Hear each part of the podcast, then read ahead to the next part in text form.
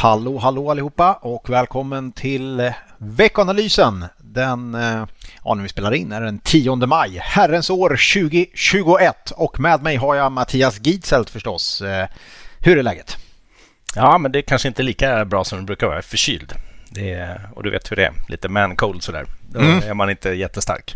Men man kör på. Ändå. Ja. Förkyld eller corona blir ju den naturliga följdfrågan då.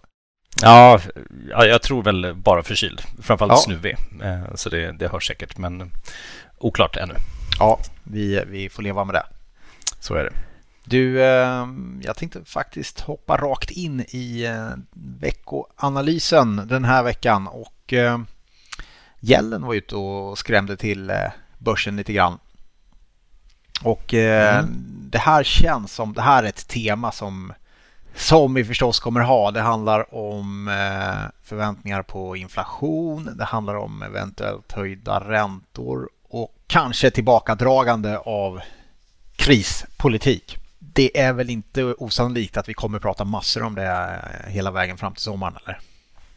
Ja, nej, men så är det. Och inte bara fram till sommaren utan även sen. Alltså, nu är det ju om man tittar på Feds prognoser så är det ju högre räntor i princip två år bort. Men eh, det kommer ju att behövas klivas bort från de stimulanser som är och det, längre fram så kommer det ju behövas högre räntor. Nu säger hon att det, att det kan behövas för att det inte ska överhettas men sen mildrar hon lite uttalandet och ja, det, det där kommer gå fram och tillbaka. Det är klart det kommer att komma en situation där man känner att det här det har gått ganska fort och när alla börjar komma tillbaka med uppdämd konsumtion och vi ser tillväxttal som är väldigt höga, eh, då kommer det ju bli mer och mer prat om släppa på stimulanser och börja höja räntor. Just det. Och det gäller att komma ihåg att Janet Yellen, ja hon är finansminister numera, hon är inte chef för Fed. Ja, just det. Nej, Nej. precis. Ja, ja, det är lätt att man... Det, är, det är helt rätt. Så, helt när hon, rätt. så när hon pratar räntor så mm. gör hon det utifrån en helt annan roll än hon, eh, man är van vid henne prata räntor. Så det, det har du helt rätt i. Mm. Eh, däremot kan hon nog eh, skrämma slag på marknaden i, i, i båda roller. Så ja. Men ja. det är helt rätt. Jag skulle säga så här. Jag gjorde någonting som heter Ekonomibyrån häromveckan. Det var väl förra veckan kanske som gör ett SVT-program om ekonomi. Och där träffade jag vår, vår finansminister Eh, Magdalena Andersson. Mm. Och eh, hon Eh, innan programmet så pratade vi om just det där. Eh, jag frågade lite grann av vad känns knepigast nu. Det blir ett väldigt märkligt år för henne förstås eh, där hon spenderade betydligt fler miljarder än vad hon någonsin trodde hon skulle sätta sprätt på. Eh, det i sig är ju ganska märkligt för en finansminister kanske. Men mm. nu då sa hon ah, det som ligger bakom om natten är väl snarare hur ska vi dra tillbaka det här? När ska vi börja för, hur ska vi förbereda oss för att gå tillbaka till ett normalläge? När ska vi dra tillbaka de här krispaketen och så vidare? Och det där är ju ganska lurigt. Jag förstår att de tycker det är en ganska stor utmaning. Och jag noterade idag när vi spelade in det här att måndag att man fortsätter med permitteringsstödet tre månader till. Mm. Eh, tror du vi kan fastna i ett sånt där läge att man inte vågar släppa? När man släpper gör man det lite för sent. Ska vi vara oroliga ja. för det? Ja, det tror jag man kan vara för att alltså, mycket av eh, ekonomin går ju väldigt bra. Eh, sen självklart behöver vi stödja andra delar. Men jag tror att eh, risken är nog att vi snarare inte står för ytterligare massa förbättring utan det är snarare så att vi någon gång kommer möta lite sämre tider. Och eh, ligger man kvar då med de här så kommer man inte dra tillbaka det då utan då behöver man ju snarare öka på det. Sen kanske man ändrar lite men, men det tror jag är definitivt. Eh, normalt så är det ju så att man under bra tider från politiskt håll sällan kommer med den här typen av krispaket eller stimulanser, om man nu kallar det. Eh, utan istället så tar man oftast sådana här steg när det väl är kris. Och det gjorde man ju förra året, men eh, risken är väl att det har gått väl fort tillbaka. Och när det väl kommer nästa nedgång, och det, ja, när den nu kommer, så, så ligger man kvar med det. Så jag, jag tror att det finns en sån risk, absolut. Mm. Eh, och det måste man komma ihåg att innan man höjer eh, räntan så lär man väl eh, från Feds sida i alla fall minska obligationsköpen långt innan. Eh, ja. Det, det, är första tecknet att kika efter kanske. Ja. Um, sen ska vi alltså vara medvetna om att även om vi pratar om att det nu är på gång och så där, det har ju faktiskt i räntemarknaden inte blivit någon jättereaktion mer. Uh, vi, hade, vi har en tioårsränta kring 1,60 i USA. Det har vi gått upp till under de senaste veckorna, månaderna.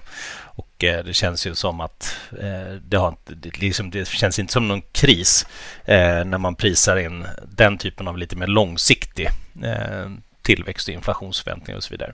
Eh, däremot så tycker jag liksom när man tittar på råvarupriserna allmänt så där har det ju faktiskt hänt en hel del sista ja, veckan eller månaderna. Alltså tittar mm. vi Sen årsskiftet råvaruindex överlag är ju upp drygt 20 procent. Eh, och jag tycker liksom allmänt om jag tänker lite framåt så är det någonting som ska driva inflation så borde det vara råvaror. Eh, det, vi har en ordentlig eh, sweet spot eller vad man ska kalla det för det just nu.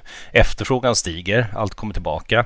Utbudet är ganska begränsat. Eh, inflationen stiger, Fed håller ner räntorna. Det är sådana här klassiska tillfällen faktiskt när, när, eh, när råvaror brukar gå bra. Och tittar man på sådana här ja, med korrelation till exempel med räntemarknaden så är det oftast när räntorna stiger så stiger råvaror mycket, mycket mer historiskt. Så att, eh, okay. ja, jag tycker verkligen att den får man ändå tänka lite på. Inte minst då det mm. kommer lite nya inflationssiffror nu i veckan och det ser ut att börja dra på ganska ordentligt. Och alla pratar om det bara, att det bara är jämförelsetal och baseffekter från föregående års låga siffror.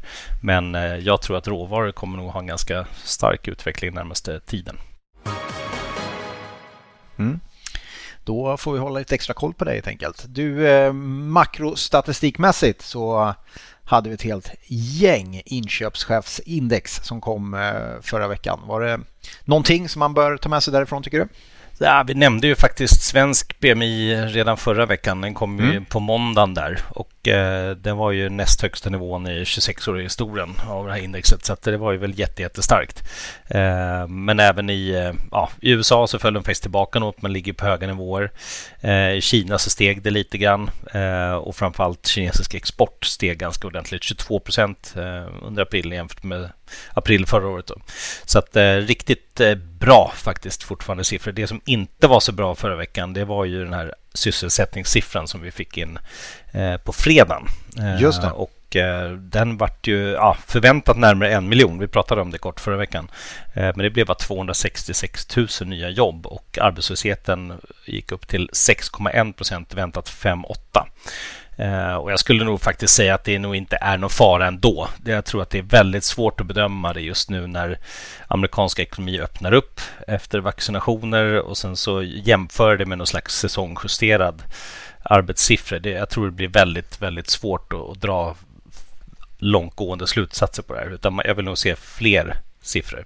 Men ändå, mm. det är svag siffra och de reviderade ner faktiskt eh, månaden innan också. Så mars var också sämre.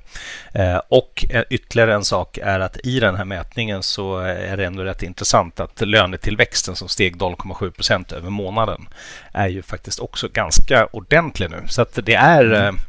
ja, ett par saker som man bör vara vaksam över de närmaste månaderna i den här siffran. Men själva siffran nu var, ja, var i alla fall en besvikelse. Då. Yes. Men en rejäl återhämtning från de 130 miljoner sysselsatta ja, utanför jordbrukssektorn som det brukar heta i amerikansk statistik till 144 i dagsläget. Så en ja. ruggig återhämtning med tanke på att det var en helt eh, galen nedgång förstås i USA på arbetsmarknaden i förra våren. Ja, och man får ju ha med sig ändå att det skapas ju en hel del jobb. Alltså vi snittade ju länge runt 200-240 000 jobb i månaden. Och nu var det 266 och det var ju galet lågt då. Eh, men det, så det handlar ju en del om förväntningarna också. Så absolut. Mm. Yes, eh, innevarande vecka. Eh, ja, finansiella marknader. Ja, det har vi pratat lite grann om. Haft lite svårt att lyfta kanske efter en väldigt, eller trots en, en väldigt stark rapportsäsong och det är klart, någonstans så kanske man tvekar lite grann. Hur bra kan återhämtningen bli egentligen och ska man växa i kostymen?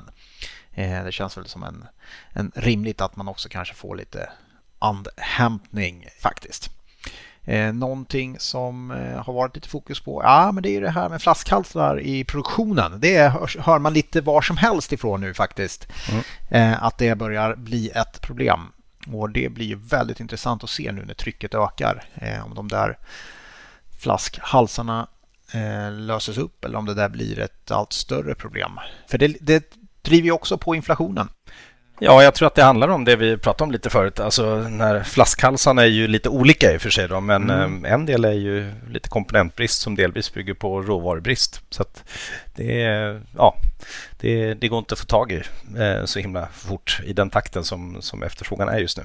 Nej, och lite problem med transporter hörde jag. Jag mm. pratade med en företagare i förrgår faktiskt. Eh, nu ska vi se, det är i fredags var det. Eh, och och eh, handlar just om, frågade just om det där hur det är med transporterna från Kina för de importerar mycket därifrån. Och eh, där hade de gått från, ja man hade kunnat, de här 20 fots containrarna, alltså en halv container verkar fortfarande gå att få fram. Eh, men framförallt så hade de lagt över en hel del på tåg, vilket jag tyckte var intressant. Så det här kinesiska projektet med Belt Road eller vad är det de kallar det för? Ehm, den här som går, eh, The Silk Belt Road kanske eh, som, som där man helt enkelt kan skicka frakten på tåg. Det verkar faktiskt som den får en skjuts av problematiken ute till havs. Så eh, ja, har du grejer som inte kommer från Kina, kanske värt att prova tåget faktiskt. Det verkar funka fortfarande. Ha, eh, någon makro tycker du som vi ska fundera på? Jag tror, alltså viktigast är nog faktiskt, eh, som jag nämnde förut också, amerikanska inflationsutfallet. Det ska ju landa på 3,6 procent år över år, eh, konsumentprisindex. Men då är det alltså inte justerat för exempelvis energi då, mm. som ju driver en del. Men, och det är ju självklart baseffekter och det är kanske inte här långsiktig inflation ligger just nu, men ändå. Eh, det var man tyckte det var högt när det var 2,6 procent förra gången. Nu väntas 3,6. Um, ehm, och eh, där vill man ju gärna se hur, hur det trendar fortsatt, hur det ser ut. Annars kommer en hel del i USA då framför allt. Eh, detaljhandelsstatistik ska ju öka nästan 10 procent på månadsbasis samt industriproduktionen kommer från USA. Och sen har vi lite ja, men här som eh, amerikanska småföretagens framtidssyn som kommer i en mätning och även eh, tyska SEV-index kommer iväg, eh, kommer också som ju där man då framförallt vill se att nulägeskomponenten börjar öka lite som jag har legat efter den här fram, framåtblickande komponenten. Så att, eh, eh, ja, lite siffror, kanske inte den tyngsta statistikveckan. Och så. Hej det är ju en liten märklig vecka eh, för det är rätt mycket röda dagar. Så tittar man på Stockholmsbörsen denna vecka, onsdag halvdag. Börsmäklarna får gå hem klockan ett. Eh, torsdag, då är, det, eh, då är det stängt i Stockholm så öppnar den på fredag, klämdag. Köpenhamnbörsen även stängt på fredag. Så eh, ganska mycket eh, stängt helt enkelt. En ganska lugn, eh, förhoppningsvis, en ganska lugn dag i marknaden. En lugn vecka i marknaden. Ska man hålla utkik för något kan man ju köra Finns en risk för klassiken kanske på fredag men framförallt onsdag eftermiddag. Skicka ut ett besvärligt pressmeddelande. Det är det, det, det dyker upp till och från faktiskt under sådana dagar. Så ska ni leta efter någonting den här veckan så kika efter eh, obehagliga pressmeddelanden för något bolag i lite kris. Eh, det, det, kan dyka upp onsdag eftermiddag. Annars så ramlar in eh, lite rapporter. Det är fortfarande lite stämmor framförallt också. Så ja, inte omöjligt att du får en utdelning kanske också under veckan som kommer här. Mm. Eh, någonting annat Mattias du tycker vi ska kika på? Jag tycker man kan bevaka lite grann allmänt det här med, det har vi inte pratat så mycket om, men de här cyberattackerna som faktiskt sker lite då. Mm. då. Jag tänkte på den här största bränsleledningen i USA just nu som är påverkad som det. sträcker sig över ett jätteområde eh, till östkusten och står för närmare hälften av bränsleutbudet på östkusten som är det bolaget som står för det är ju under en sån här ransomware-attack. Och, eh, Eh, jag har egentligen inga, jag är ingen expert på det på något sätt, men Nej. det understryker ju faktiskt sårbarheten, eh, hur det kan bli så här. Och det är, det är ju bara några veckor sedan som vi hade ett svenskt fondbolag som hade en sån här attack och det sker ju ganska ofta nu. Och vi har ju inom Söderberg Partners ett sånt här advisory board där vi brukar sitta och diskutera lite andra ämnen än ren makroekonomi och där kommer vi faktiskt ta upp det här under nästa möte i juni så förhoppningsvis kan vi väl återkomma med någonting mm. kring det. Ehm, jag tycker i alla fall att det, det verkar lite skrämmande att det ändå påverkar så pass stora bolag och att det kan eh, ja, eh, ha den effekten det har som till exempel yes. hälften av östkustens bränsleutbud. Det är ändå siffror det. Verkligen, verkligen. Bra, då gör vi så här att vi klurar lite på det under veckan som går och så ses vi igen eh, nästa tisdag helt enkelt. Det gör vi. Ha det gott. Hej hej. Hej. Så varna era kära mödrar och varna era fäder med. Därför partypatrullen de kräver det. Och våga inte stå där stilla med benet på väggen, stå där och chilla. Då kommer discosnuten bötfälla dig. Då får du discotruten. Olagligt att inte dansa, asexuell, straight eller transa. Och vi ska upp bland molnen, varannan dag men alltså en skål sen. Vi ska twista till svetten, lackar till polisen, juristen och rätten backar. Skiter i tiden och vad klockan slår när vi revar hela dygnet så långt vi förmår.